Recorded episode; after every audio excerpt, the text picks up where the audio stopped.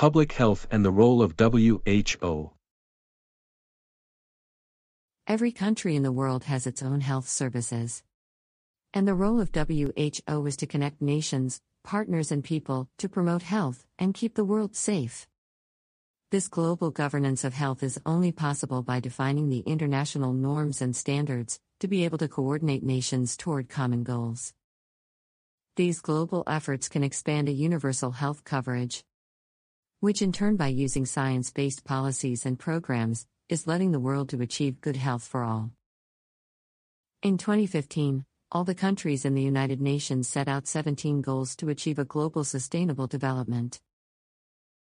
And while Goal 3 is to ensure healthy lives and promote well being for all at all ages, all other goals are also have some direct health targets.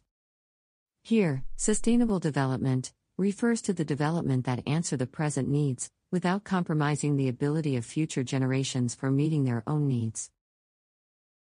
And here comes the importance of health promotion in public health, which means improving people's understanding over their own health to be able to take responsibility in preventing diseases.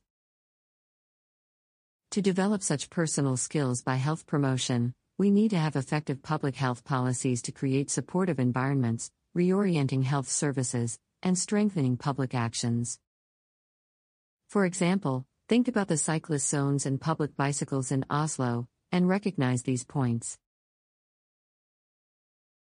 Thank you for watching.